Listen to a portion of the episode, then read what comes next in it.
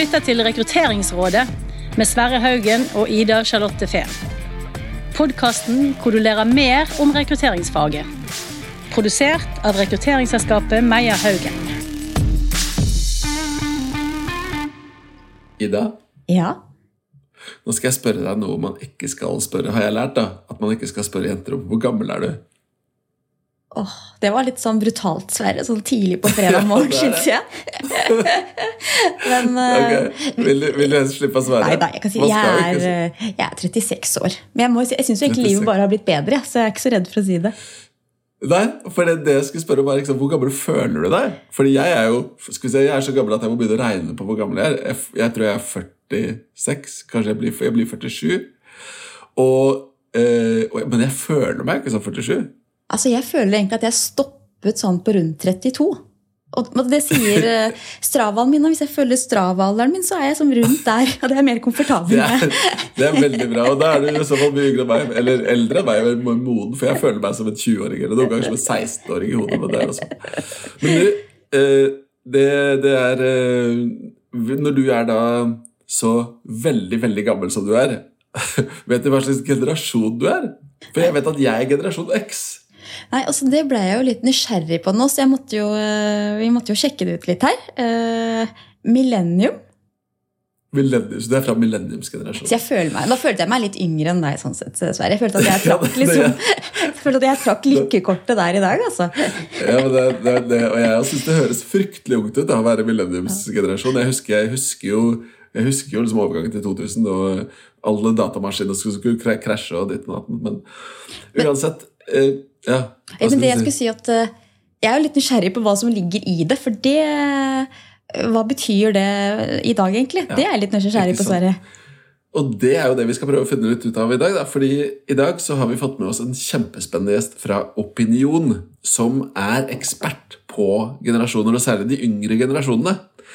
Eh, og så er det jo rekruttering vi snakker om her, så vi skal snakke om hvordan, hva, hvordan henger det her sammen, hvordan påvirkes dette. Og dette kommer som en direkte etterspill av, fra episode 65 av Rekrutteringsrådet, hvor vi snakket med, med Aron Sulte.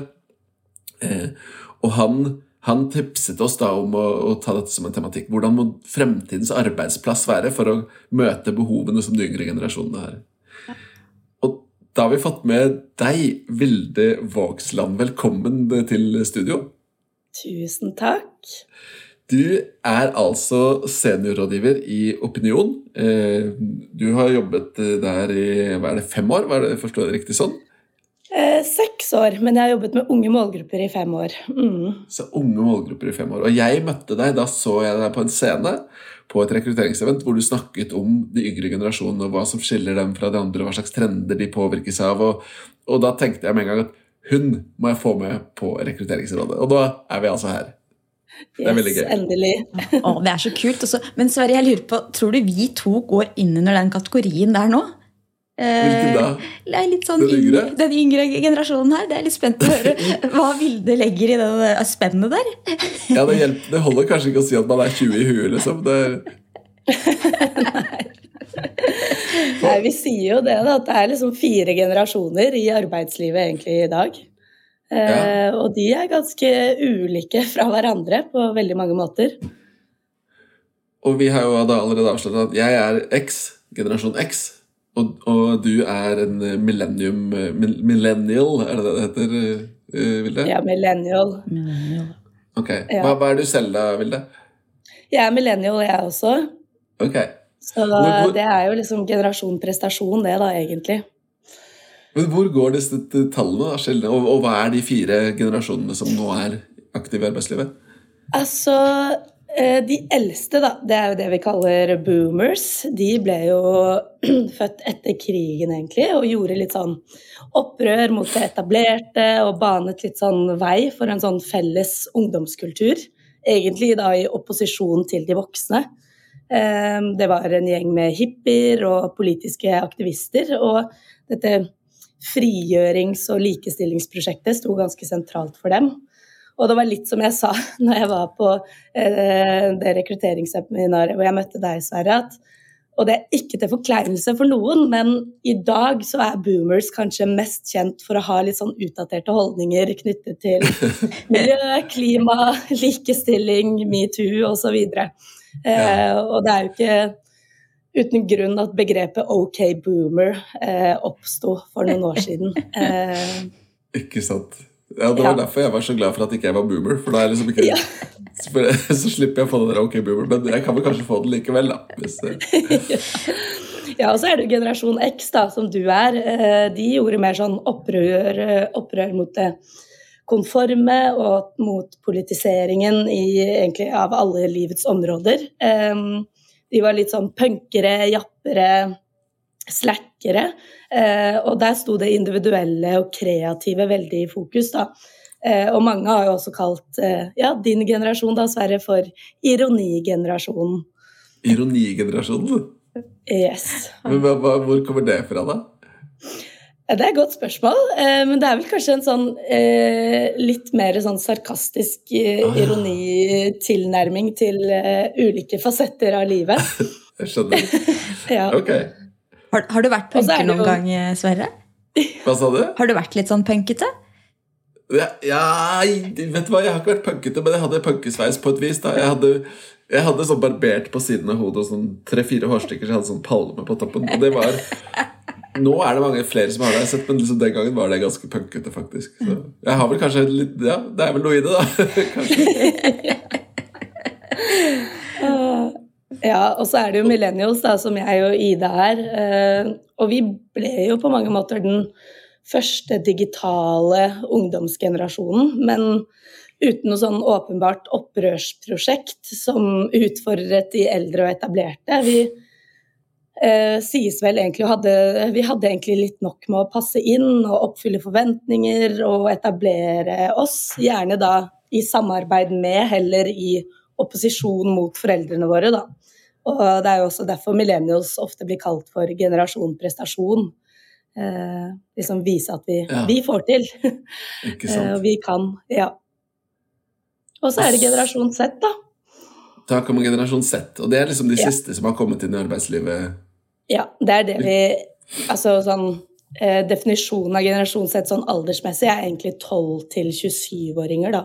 I dag. i dag. Eh, Det vil si at de er født da 12 til 27, sa du? Så ja. født 96 og, ja. og utover, da. Ja, Ja, stemmer. ikke sant? Eh, det er de. Og vi, altså i vår ungundersøkelse, da, eller i vår studie, så har vi fokus på de mellom 15 til 25. Eh, så vi har liksom eh, brutt det segmentet litt ned, da. Eh, når vi snakker Ikke om unge. sant? Ja. Ja. Og, da, og da er det jo de som kanskje liksom, i hvert fall per nå er aktuelle å snakke om hvis vi ser på liksom, arbeidsliv og rekruttering og sånt noe, men så tar det jo ikke fryktelig mange årene før, før det kommer neste generasjon, da, tydeligvis. De som er født fra 2011 og etterpå, de der kanskje. Ja, det er Hva heter de? alfa. Alfa! Ja, det var ganske Ja. kult. Oi! Ja, det er kult! Det har ikke jeg hørt om før. Jeg trodde, Sverre, jeg trodde du skulle spørre, si at det tar ikke så lang tid før de er like gamle som oss, men du, du tok den litt annerledes. Ja, sånn, ja.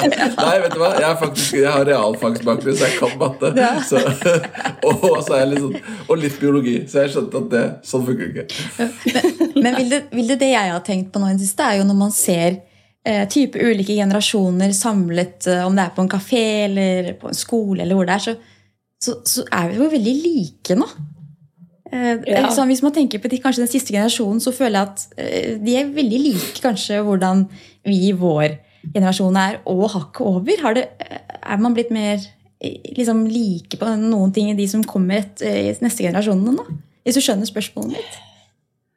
Ja, altså Det er vanskelig å svare på da, men det som er litt spennende kanskje med generasjonssett, er jo at de er på mange måter litt sånn individualister og eh, skal liksom det er opp, De er opptatt av at jeg, jeg, jeg, meg, og jeg skal skille meg litt fra andre, men så ser man jo i, på skoler at alle kler seg jo helt likt. Alle skal ha de samme tingene.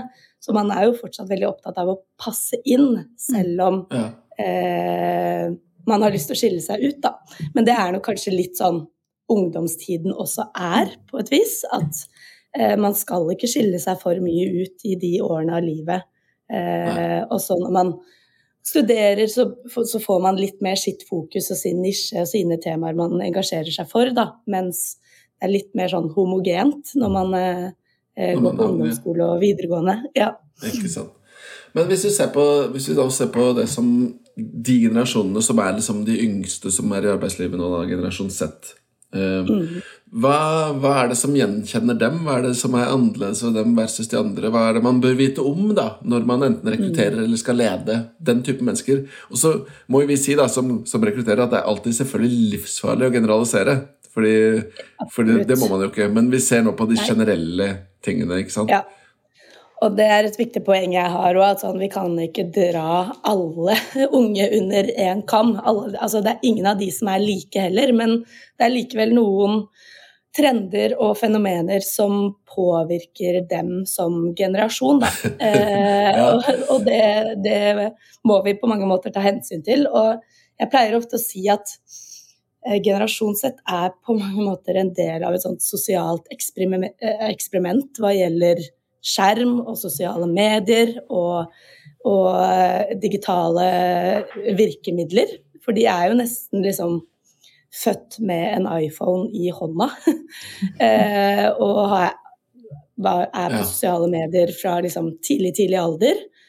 Eh, og det er litt altså En trend som vi snakker om som preger dem i ganske stor grad, er jo at det som skjer liksom ute i verden, det skjer også her hjemme, på et vis. Et eksempel jeg ofte drar frem, er en jente jeg snakket med i høst, som eh, Hun var 17, vel, og eh, hadde plutselig liksom begynt å engasjere seg veldig for feminisme, da. Og når jeg gravde litt mer i det og spurte sånn, ja, ok, men hva er det som har gjort at den saken har blitt så viktig for deg? Og da hadde hun sett på TikTok da, at i USA så var det skatt og avgifter på tamponger. det på mange måter regnes egentlig som et luksusgode, da. Eh, mens det ikke var skatteavgifter på kondomer, som kanskje egentlig kan regnes som et helt nødvendig produkt. Da. Og det hadde gjort henne helt sånn rasende, og det på en måte illustrerer at det er ikke nødvendigvis et skille på det som skjer der ute, og det som skjer her hjemme, da. Mm. Og så er jo kanskje også det som skiller eh, generasjon Z aller mest fra resten av befolkningen, er jo hvordan og hva de bruker tiden sin på. Eh, de unge bruker dobbelt så mye tid på skjerm som resten av befolkningen ellers. Syv timer per dag. og hvis man ser det i litt sånn større, større perspektiv, så er det, ja, det er vel 2500 timer i løpet av et år. Da. Det er nesten like mye tid som vi bruker i, i sengen. Så det digitale skillet mellom generasjonene har jo egentlig aldri, aldri vært større, rett og slett.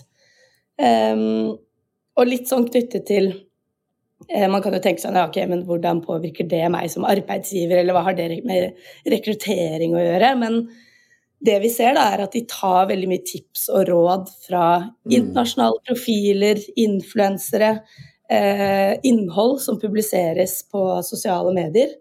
Og selv om disse tipsene og rådene ikke liksom nødvendigvis kan eh, er tilpasset det norske arbeidsmarkedet, så påvirker det likevel hvordan de forholder seg til arbeidsgiver, da. Ja. Ehm, og for ledere så kan det også medføre helt andre krav eller problemstillinger som man ikke har måttet forholde seg til eller engang tenkt på tidligere. Um, og TikTok da spesielt florerer jo av liksom, eh, tips om alt fra hvilke rettigheter man har som ansatt, hvordan forhandle lønn, eh, til hvordan gjøre et godt intervju og stille gode spørsmål. Så mm. Og dette suger de liksom til seg, da. Ja, ja. Rett og slett. Ja, en, en, en, ting som jeg har drøftet med andre, eller som vi har snakket om tidligere, som er en sånn, kall det en direkte påvirkning på rekruttering. Da. Det er jo det er mye innenfor rekruttering som handler om annonsering fremdeles. sånn at man ønsker at folk skal altså Enten man jobber med employer branding eller annonsering for å få folk til å søke, så ønsker du liksom å få innholdet ditt ut til folk. Og der er jo liksom bruksvanen til det nye med TikTok og den, den, den nye måten å konsumere media på er jo helt annerledes. Hvor du egentlig sitter og sveiper, og det som er interessant, blir, dveler du litt lenger med. Det som er kjedelig, sveiper du bare videre. ikke sant? Og det som er den veldig store forskjellen på det da, versus klassisk markedsføring, det er at i klassisk markedsføring hvor du har en bannerannonse på en webside som babyboomerne og generasjon X klikker på, de må jo da oppsøke det, ikke sant? Mens med TikTok og den nye medievanen så kommer jo innholdet til deg. Så egentlig er det en gavepakke for oss som rekrutterer. fordi så lenge vi klarer å lage noe som er interessant og relevant og, og fanger oppmerksomheten, så plasseres det jo midt oppi nesa på dem, ikke sant? På Ja, ja. 40 cm skjold. Men det sies jo at man har liksom Og det er jo helt groteskt, spør du meg, men at man har tre sekunder på å fange oppmerksomheten deres. Eh, Så liksom attention spannet deres blir jo bare smalere og smalere nettopp fordi det går så innmari fort, da. Ja, ja, og jeg, jeg merker jo bare på mine egne barn, da, det er jo veldig morsomt at du sier det, dette med liksom skille, da. For du sa det var fra 96 til 2011, hvis jeg husker det riktig, på disse Ja. som er generasjon Z. Det betyr at jeg har to barn som er generasjon Z. Det ene er liksom helt på kanten, 2010. Og så har jeg Mm. en da som er, som er eh, alfa, da. Eh, Mm. Og eh, det morsomme er at hun som er alfa, hun vokste jo opp med, som du sier, iPad, skjermer. Hun prøvde å sveipe ukebladene og bildene i ukebladene når hun var liten. ikke sant? Sånn at de vokste opp på en helt annen måte. Og- det de ofte gjør, er jo at de sitter og Alle sammen, da. De to, de to eldre òg. De ser på TV, men så har de også skjerm med noe annet samtidig. De er sånne multimodale på Og for oss andre, så, eller mor og far, så blir det sånn Herregud, kan du ikke fokusere på én ting? Ja, ja. Og det kan en se her hjemme òg, og de er jo bare ja, to og fem, da. eh, I forhold til den der swipingen og TV samtidig. Og eh, han på fem har jo nå egentlig blitt Hvis man tenker sånn eh, evnemessig, da, så er han så å si bedre enn meg på å spille TV-spill nå. Eh, og det Ja.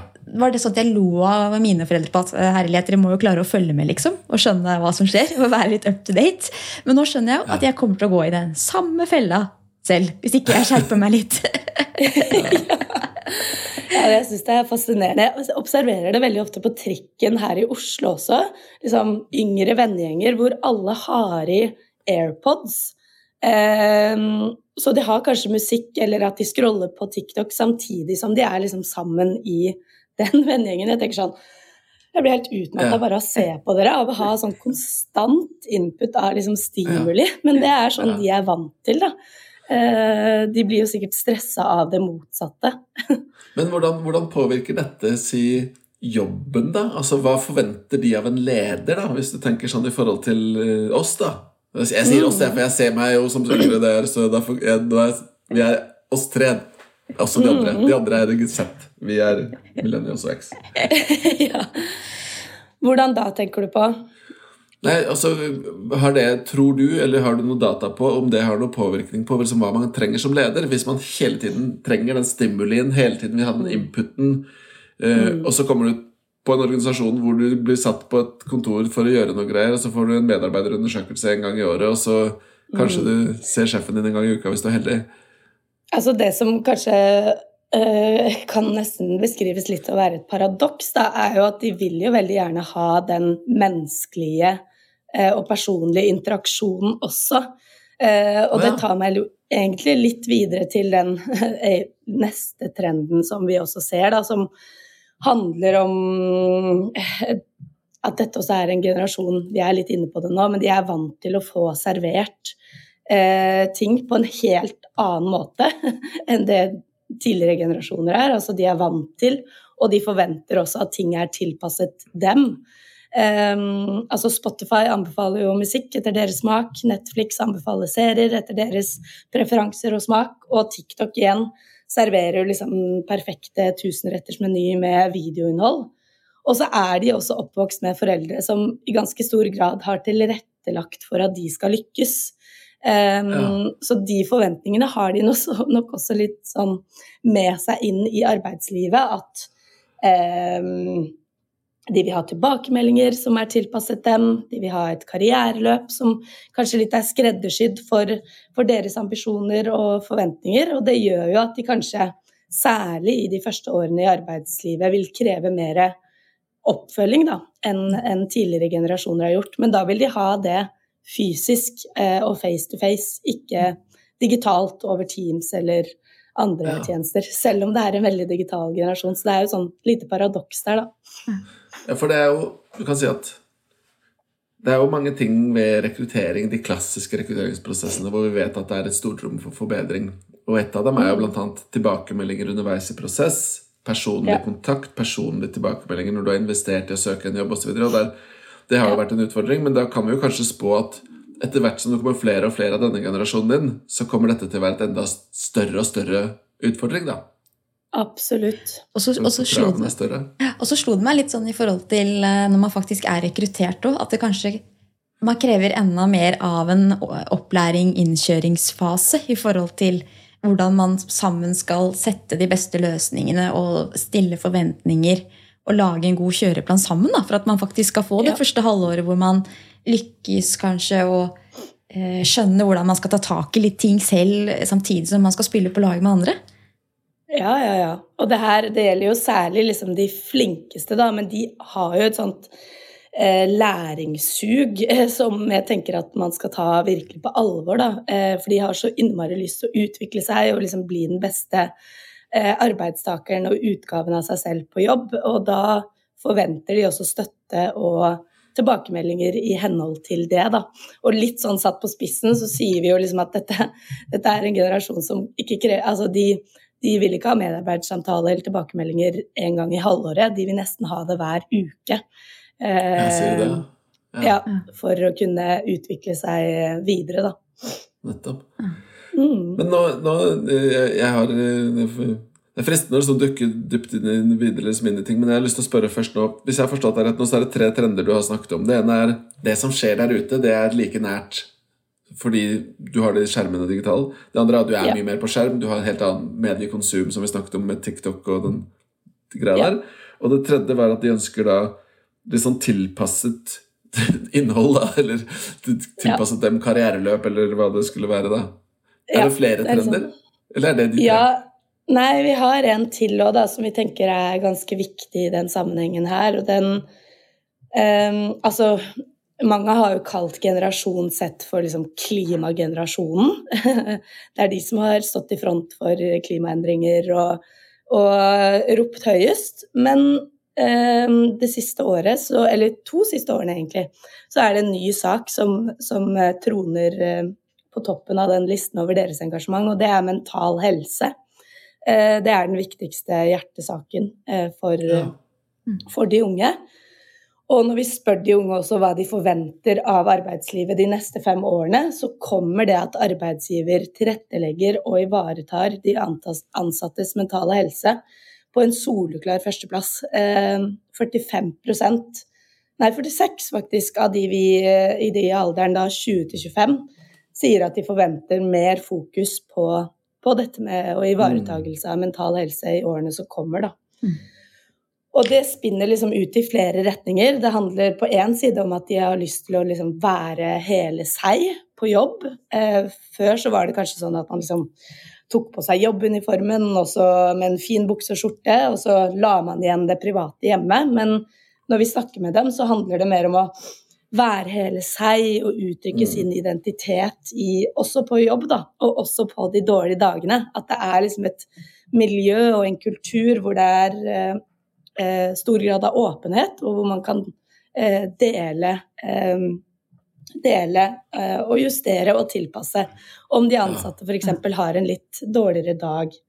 Eh, og det har jo også selvfølgelig veldig stor innvirkning på det sosiale miljøet, ved at man blir bedre kjent med hverandre og knytter sterkere bånd, rett og slett, med Mm. kollegaene sine, da, hvis man eh, er mer åpen. Det syns jeg er veldig spennende å tenke på i forhold til ja, rekrutteringsprosessen også, Sverre. Som, og vi, vi er jo ganske opptatt av det at når vi har disse første samtalene hos oss, at man på en måte jeg skal ha litt den lavterskelen. da, At man skal kunne Mm, senke ja. skuldrene sine. Eh, ha muligheten til å liksom føle at man er trygg i situasjonen og kan være seg selv. Eh, Ja. og så Yes. ønsker vi jo å spille de gode, og vi å være, vi er jo genuint nysgjerrige og høre hva de tenker. Og så ønsker vi å sjekke om vi har en mulighet som passer rett og slett dem som person. Og bakgrunn, ja. på vis. Ja. Ja, Ja, ja, men det, sant. det er et godt poeng du sier der, Ida. For det er klart, du kan si hvis du ser på det Det er litt sånn eh, karik karak eh, karakteristiske, gammeldagse måten å gjøre rekruttering på. Hvis jeg skal si det sånn, da. Jeg tror nok flere og flere har sluttet med det, heldigvis. Men det er jo den derre Nå sitter jeg, jeg har en arbeids, en jobb du skal ha, så skal du komme deg inn, og nå skal jeg teste deg. Nå skal jeg se om du er god nok. Og så skal jeg prøve å løse, få deg på limpinnen med noen vanskelige brain teasers eller tullespørsmål, og så Og hvis du ikke klarer det, så er du liksom ikke god nok. Da. Det, det der perspektivet der, er, det er jo utdødd. Det er på tide å parkere, tror jeg. Boom. Jeg er en boomers. Ja.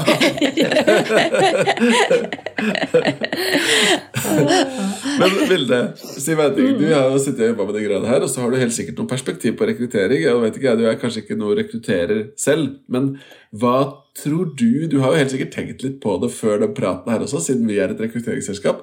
Hva tenker du Hvordan tenker du det bør påvirke oss, da? Som rekrutterere, denne, disse generasjonsskiftene?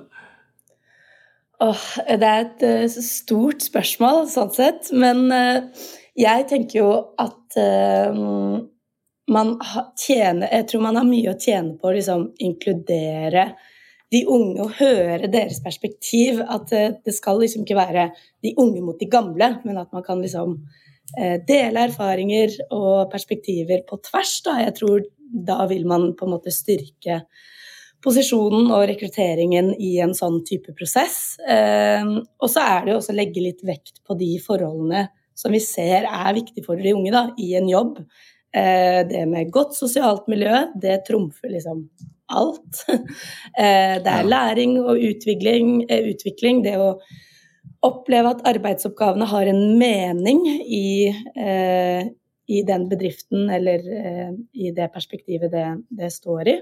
Uh, og så er det et annet aspekt som også har blitt ganske viktig for de unge, dette med trygghet. Uh, forutsigbarhet, egentlig. Det henger jo litt sammen med alt som har skjedd de siste årene, med liksom to år med pandemi og full nedstengning og bransjer som bare gikk rett ad undas, og permitteringer og den type. Um, men også forutsigbarhet i form av liksom fast jobb, eh, en OK lønn hvor jeg kan liksom ha mulighet til å etablere meg, da, for det er jo egentlig bare det de ønsker.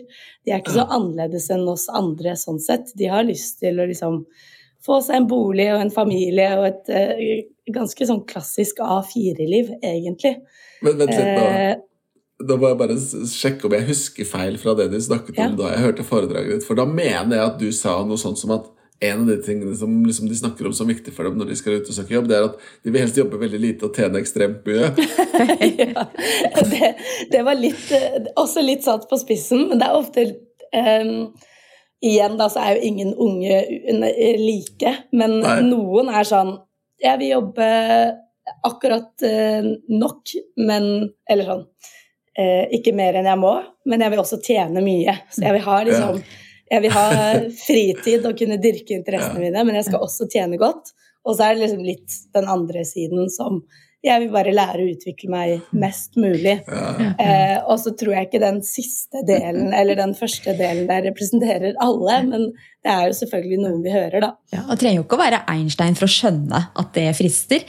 Eh, nei, altså jeg kjeder meg godt i det. Jeg har lyst til å bli samme sjøl. Men jeg tenkte, jo, jeg tenkte, jo, på en litt ting, da, for når du nevnte det med mental helse, Vilde, og og kanskje nye engasjementer og sånn. For vi hadde en podkast eh, noen tidligere hvor vi snakket om bærekraft og bærekraftig rekruttering. Mm. Og, og, noe av temaet der er jo kanskje at det kommer jo veldig mange nye roller som ja. det er en ny generasjon som er klare for, og det er ikke så mange andre som kan det. Og det å da kanskje bli kastet ut i som, roller som egentlig er litt krevende, som mm. man må faktisk jobbe for å få aksept for i selskapene. At det kan ja. være litt det kan være litt sånn motarbeidende mot det at man også skal ha den der tryggheten eh, og den helsefaktoren. Da. Ja. Men, det, ja. Det, men det er veldig interessant, det, for det, det, skjer, det skjer utrolig mye. Nå hadde vi jo forrige episode av Rekrutteringsrådet, så snakket vi om AI. Var ikke det forrige episode, Ida? Ja. Og så, og så liksom disse nye, nye, fagene som kommer innenfor det. ikke sant? Mm. Men der ja. kommer jo nye generasjoner òg, da. Så mm. det gjør det. Det som slår meg som, som, egentlig er interessant, som jeg ikke har hørt noen snakke om før, da, men som for meg nå framstår som ganske åpenbart, det er at det er veldig mye fokus i rekruttering og også i arbeidslivet på mangfold. At du må være mm. flink til å få inn uh, folk som har annen kulturell bakgrunn, eller om det er kjønn, eller om det er andre ting. ikke sant? Det er jo egentlig de samme grepene man sannsynligvis, de samme teknikkene man kan tenke på for å for å lykkes med generasjoner. da. For det handler om er at det er en gruppe mennesker som er litt Hvis du tar, som vi snakker om, generaliserer, det er det man gjør også med mangfold på kulturell bakgrunn og andre ting, eh, så er det noen forskjeller. Og da er det noen, innenfor mangfold kan vi jo masse. Vi vet masse om hva som skal til for å lykkes med det. Så man burde kanskje egentlig ta med seg de perspektivene inn, da, til, inn i arbeidsplassen, i hvert fall. tenker jeg. Absolutt. Og apropos det, nå kjenner jeg ble fyra meg opp her. Fordi et, Hvis vi tar det inn i rekruttering, da. Et, et, prinsipp i rekruttering, hvis du kjører sånn hardt på mangfold, så er det å kjøre blind rekruttering. Mm. Det ser deg ikke. Jeg ser ikke navnet ditt, kjønnet ditt, alderen din. Det er bare faktuelt hva du gjør, som jeg dømmer deg på. ikke sant? Eh, og jeg tror det vil funke akkurat på samme måten med alder. Eh, og bakgrunnen er jeg er gamer. Jeg er litt sånn nerd. Jeg sa jo jeg var 20 i huet i stad, så jeg spiller PC-spill. Og da spiller jeg spill, ikke sant? og så møter jeg en eller annen fyr i det spillet, og så spiller vi sammen i noen timer. da. Og så er vi egentlig vi er like. Vi er i samme spillet, vi er like, vi gjør det samme, vi har oppgaver sammen. Og så har vi spilt noen timer, og så spør han jeg spiller med, da for å merkelig nok ofte gutter, eh, så spør, spør, han hvor gammel er du, og så sier jeg da jeg er 47. Og så holder han på, hører jeg holde på dette av stolen, ikke sant? for han er jo 20 år gammel. eller Kanskje han syns det, det, er litt creepy, Sverre? At du sitter sånn eh, halvgammel, halv mann og spiller? ja, da, poenget, mitt er, poenget mitt er når du fjerner, når du fjerner en del ting, da, sånn som utseende, og så er det liksom sånn uh, da får, du, da får du innholdet uhildet, og da kan du i mye større grad se personen bak. da, på et vis. Mm. mm. Eh, og det er veldig vanskelig å dømme hvor folk, bedømme hvor gamle folk er uh, basert på liksom, atferd og andre ting. Da. Så, ja. veldig, veldig godt tema. Ja, absolutt. Og det tror jeg Altså, jeg har jo intervjuet sikkert har bare siste året snakket med mer enn 100 unge. og jeg ja. blir fortsatt overrasket over refleksjonsnivået til yes. liksom 17-18-19-åringer. Jeg tenker ja. sånn Altså, jeg forholdt meg ja. ikke til uh, i nærheten av det samme, eller hadde det refleksjonsnivået som de har nå. Uh, når jeg var 17 år, da. Nå er jo det 15 år siden, men fortsatt, da. Uh, og det igjen henger jo sammen med at de får input eh, på en helt annen måte enn det vi gjorde. Jeg leste liksom lokalavisa i papirversjon. Det var det jeg fikk. De har hele verden for seg. Mm. eh, servert hver eneste dag. Så ja, de er eh, veldig reflekterte og bevisst seg selv og sine omgivelser, da. Veldig, veldig bra. Jeg tror vi må eh, se på klokka at jeg tror vi skal begynne å gå inn for en myk landing her, Ida. Er det noen ja. ting du brenner inne med før vi går til de faste spørsmålene? Ja, vi har jo et, bare én liten sånn tanke som jeg har tenkt litt på gjennom det her. Da, i forhold til at man får så mye informasjon, og som du sier, vil at hele verden ligger jo litt foran den. Det kommer ChatGPT, AI, masse virkemidler. Og så, så, var jeg på en sommerfest uh, forrige uke med jobben hvor jeg egentlig skulle være litt sånn der wing girl, kan man si det, for en kollega, og fikk noen hyggelige jenter til bordet. Og de var jo nyutdannet, selvfølgelig, og var veldig nysgjerrig på å høre hva, hvordan vi jobbet med rekruttering. Og så sa hun ene at uh, Ida, det er så mye forskjellige verktøy ute nå. Jeg har så mye jeg kan velge. Og så skjønner jeg ikke hva jeg skal velge for å gjøre at det blir min type CV. da, At den blir personlig nok. Mm. Eller blir jeg for lik? Bruker alle ChatGPT, f.eks.? Ikke sant? Mm. Hva tenker Har du noe ja, Han liksom skiller seg ut, da. Er det det? Ja. Åh, det der skjønner jeg er vanskelig. Um, men tror du ikke liksom bare, Nå tenker jeg bare høyt. Uh, men at arbeidsgiver også må kanskje være litt mer konkret da, i hva eh, de søker etter, sånn at det blir enklere også for de som søker, mm. å eh, finne ut hva um, hva skal jeg prioritere? Fordi man kan ikke prioritere Men, alt. Der er, du, der er, du, over på noe veldig veldig viktig, tror jeg. Vilde. Det tror jeg er spot on. Fordi igjen, da, hvis vi går tilbake til liksom det der klassiske, gammeldagse, gammeldagse perspektivet på rekruttering mm. Hvis du er flinkere på å fortelle hva du vil ha, så gjør du det lettere for en jobbsøker å kommunisere godt. Da. Mm, jeg har skrevet en bok for jobbsøkere, og et av de prinsippene som vi ser veldig tydelig som er viktig da, for å kunne skrive en god jobbsøknad, det er at du må jo sette deg inn i hva er det egentlig arbeidsgiver er ute etter. Mm.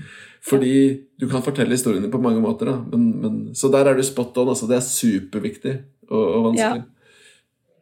Og så tenker jeg det kanskje, ja, at det er noe, en oppgave vi må ta viktigere og, som jobber med rekruttering. At man er ute og prøver å gi mm. litt guidelines på ja. Og eh, kunne være litt, være litt, nærmere disse yngre som skal søke, for å kunne gi dem litt uh, eh, perspektiver på, på hva de kan forholde seg til. da, Når det er så mye å velge i. Jeg, jeg har et par konkrete caser fra rekruttering som jeg har lyst til å spørre deg om før vi går over på det faste spørsmålene. Vilde. Det er ganske korte Ja. spørsmål, men du må liksom ja, bakgrunnen Én ting.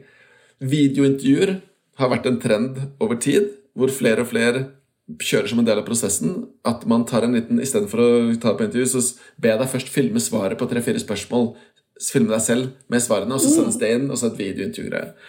Det vi har sett eh, noen steder, det er at, at du du mister noen kandidater på det fordi det er en uvant måte. Kanskje er det boomerne du mister, hvem vet? Men i hvert fall så har man sett noen steder at det er 50 frafall. Da. At det er 50 som velger ikke søke når de må filme video.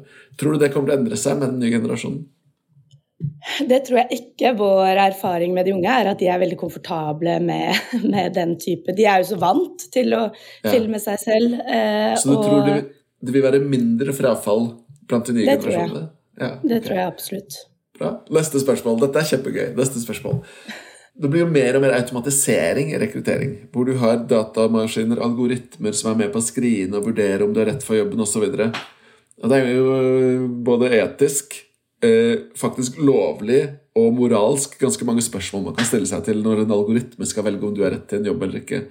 Tror du de nye generasjonene er mer eller mindre følsomme for å bli valgt ut av en maskinalgoritme enn de tidligere generasjonene? Åh, godt spørsmål, men jeg vil anta kanskje mindre eh, Mindre skeptiske til det. Mindre skeptiske? Ja. Det tror jeg. Ja, det, og det er også interessant, da. Eh, Kanskje sånn i forhold til det samme personlig touch og sånn, så kan det men, men de er jo mer vant til teknologien, da. Ja, så, det er det. Og så har de også De er jo veldig liksom tekno-optimistiske. ja, ja. Eh, de tenker jo at det er liksom Ja, det er jo fremtiden, på et vis. Ikke sant. Eh, så mm. Siste spørsmål. Siste spørsmål. Det er jo ganske mange steder hvor man er dårlig på å gi tilbakemeldinger til jobbsøkere. Eh, I Norge eh, så er det vel rundt 30% som søker på en jobb, får ikke svar. De blir ghosta etterpå, de får ikke noe svar tilbake igjen. Som er ganske skremmende. Eh, tror du den nye generasjonen påvirkes mer av det? Altså sånn at, eller mindre? Eller er det det samme som de tidligere, at, at de da liksom tenker at for en drittarbeidsgiver hvis ikke du får svar? Eller er det litt sånn ett fett? Eh, det blir jo litt tilbake til den ene trenden som jeg snakket om, da, den der tilrettelagt for meg. Altså, det her er jo en generasjon som er liksom vant til både hjemme med foreldrene og i skolesystem og fritidsaktiviteter og liksom bli fulgt veldig tett opp. Mm. Så jeg kan se for meg at det er noe som kan frustrere dem ganske mye hvis de ikke får noe tilbakemelding på sånn Ja, ja. Ok, har jeg kommet videre eller ikke? Det har dere bare kasta min CV i en eller annen bunke. Ikke sant? Eh, så det tror jeg nok kan bli viktig å følge opp med disse Ja, videre, da. Det kan ødelegge eh, ryktet eh, til Yes. en bedrift. Eh, da har man jo ikke lyst til å søke igjen, eller ja. Og da har jeg en følelse av at hvis man ødelegger de ryktene der etter hvert med disse generasjonene, så er det kanskje enda lettere at det blir delt også, enn det det har vært tidligere. Ja, Ja, det- ja. Det kan spre seg fort. Skal vi ta de faste Ja. spørsmålene på tappen, Ida? Ja, det må vi gjøre. Altså, jeg må si, eh, Sverre, sånn I forhold til teknologien og rekruttering, så gleder jeg meg egentlig litt til å se deg eh, hoppe tenkte deg, at Noen har på seg VR-briller på et intervju, hvor du hopper opp som en intervjuer inni der. altså Det hadde vært Da begynner vi å tilpasse oss, tenker jeg. Ja, men de er så dyre, de der nye VR-brillene til, til Apple? Apple, så jeg tror ikke vi har råd til det. Vi får se etter hvert. Men, eh, men Vilde, det har vært så hyggelig å ha deg på besøk. Og så pleier vi å ha noen sånne standardspørsmål. da, og Det første går jo litt på eh, om du har et eksempel eh, på en sånn type en verste rekrutteringsprosess, eller om du har hørt om en prosess som noen bare at det var helt grusomt. Mm.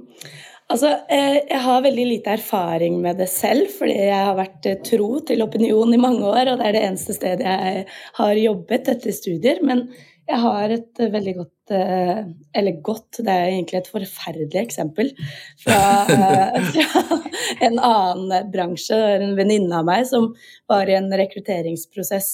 Hun var, skulle ansette, da. Ehm, og fikk inn en som tilsynelatende hadde en veldig god CV, men det var liksom noe som skurra litt. Ehm, og når de spurte, Hun hadde ikke oppgitt referanser, og når de spurte om det, så forklarte kandidaten at Nei, Hun ville helst ikke at hun skulle ringe noen av de tidligere arbeidsgiverne, for hun hadde egentlig brutt, brent broer på alle steder hun hadde vært tidligere.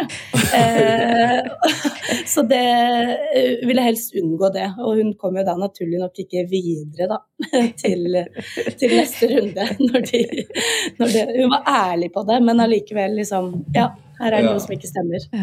Det er liksom noen som sier at ærlighet varer lengst, men det kommer kanskje litt an på settingen. Det Kommer kanskje litt an på, an på historien din, kanskje. Ja. Men, eh, men Vilde, jeg tror, dette kunne vi jo sikkert snakket om eh, veldig mye lenger. Men eh, vi er jo også litt nysgjerrige på om du har noen tips til hva vi burde pratet om senere i en annen podkast. Oi, spennende. Um, jeg syns dette bærekraft som Altså, det er jo så stort, og det kan godt hende jeg har snakket om det tidligere, jeg har ikke full oversikt over alle episodene deres, men eh, hva på en måte betyr bærekraft både for liksom de som rekrutterer, og de som skal søke jobb? Eh, fordi det er både sosial bærekraft, det er miljø og klima, som selvfølgelig Men hvor stor betydning har det egentlig, og hva, hva skal man fokusere på da, i et sånt bærekraftsperspektiv? Åh, nå kan jeg bare si at du gleda hjertet mitt, for dette syns jeg er så spennende. Og så har, vi, så har vi faktisk hatt en episode om det, men da snakket vi om at dette bør vi faktisk ha flere episoder om. Så det kan godt hende at vi, at vi kommer tilbake til den, faktisk. For, og da har vi jo nok et argument for å komme tilbake til det. Yes. ja, det er så komplekst og så stort, og jeg har lyst til å lære mer om det. Og forstå mer om det. Men Ida, når vi nå skal runde av, hva, hvis du tenker tilbake, hva, er dine, hva sitter du igjen med refleksjoner fra denne praten? Takeaway. En take takeaway. En takeaway. Uh, todelt. Jeg tenker at uh, Jeg tror vi må være Så to takeaways, altså. Det er sånn typisk uh, generasjon Z, altså. Nei, men jeg tenker at det er, jeg tror det er veldig viktig at, at vi er med på å tydeliggjøre litt våre forventninger i arbeidslivet til de nye generasjonene. Og så tror jeg det er veldig viktig at vi viser interesse for de også. Og, og, og høre hva de tenker, sånn at vi åpner opp for at vi kan møtes på midten, dele erfaringer og bare vise litt sånn eh, Skape litt gode forventninger, da. Til, mm. til hva, som, eh, hva som skjer der ute, faktisk. Mm. Jeg tror min hoved-takeaway er at den nye generasjonen bare akselererer behovet for å gjøre ting bedre i rekrutteringen. da. For å være flinkere på personlig oppfølging. Være flinkere på å lage innhold som faktisk engasjerer og er relevant. øh, Og være flinkere til å følge opp og ta vare på, ta vare på folk og forstå folk. da. Så det er ikke noe sånn revolusjonerende i forhold til hva vi vet er viktig fra før, men, men behovet blir bare enda større for det. da. Og så var det som sagt, som jeg nevnte i stad, for meg interessant å tenke på hvordan Jeg har ikke tenkt på den der parallellen til mangfoldsledelse før. Hvor viktig det er å tenke mang, Du kan bruke sannsynligvis mange av de samme grepene og tankemetodikken som, som du gjør i annen mangfoldsarbeid. da. Det tror jeg absolutt, altså. Du, Da tror jeg vi må si tusen, tusen takk for en veldig interessant prat, Vilde. Takk, det samme. Det var kjempegøy å være med. Veldig, veldig gøy for oss også. Veldig hyggelig. Så ses vi. Og så ses vi i en senere episode. Ja. Ha en fin fredag, og god helg når den tid kommer. Takk Det samme. Jo, takk, det samme. Jeg måtte lure den inn, Sverre. Veldig bra. Ja, det... Ha det.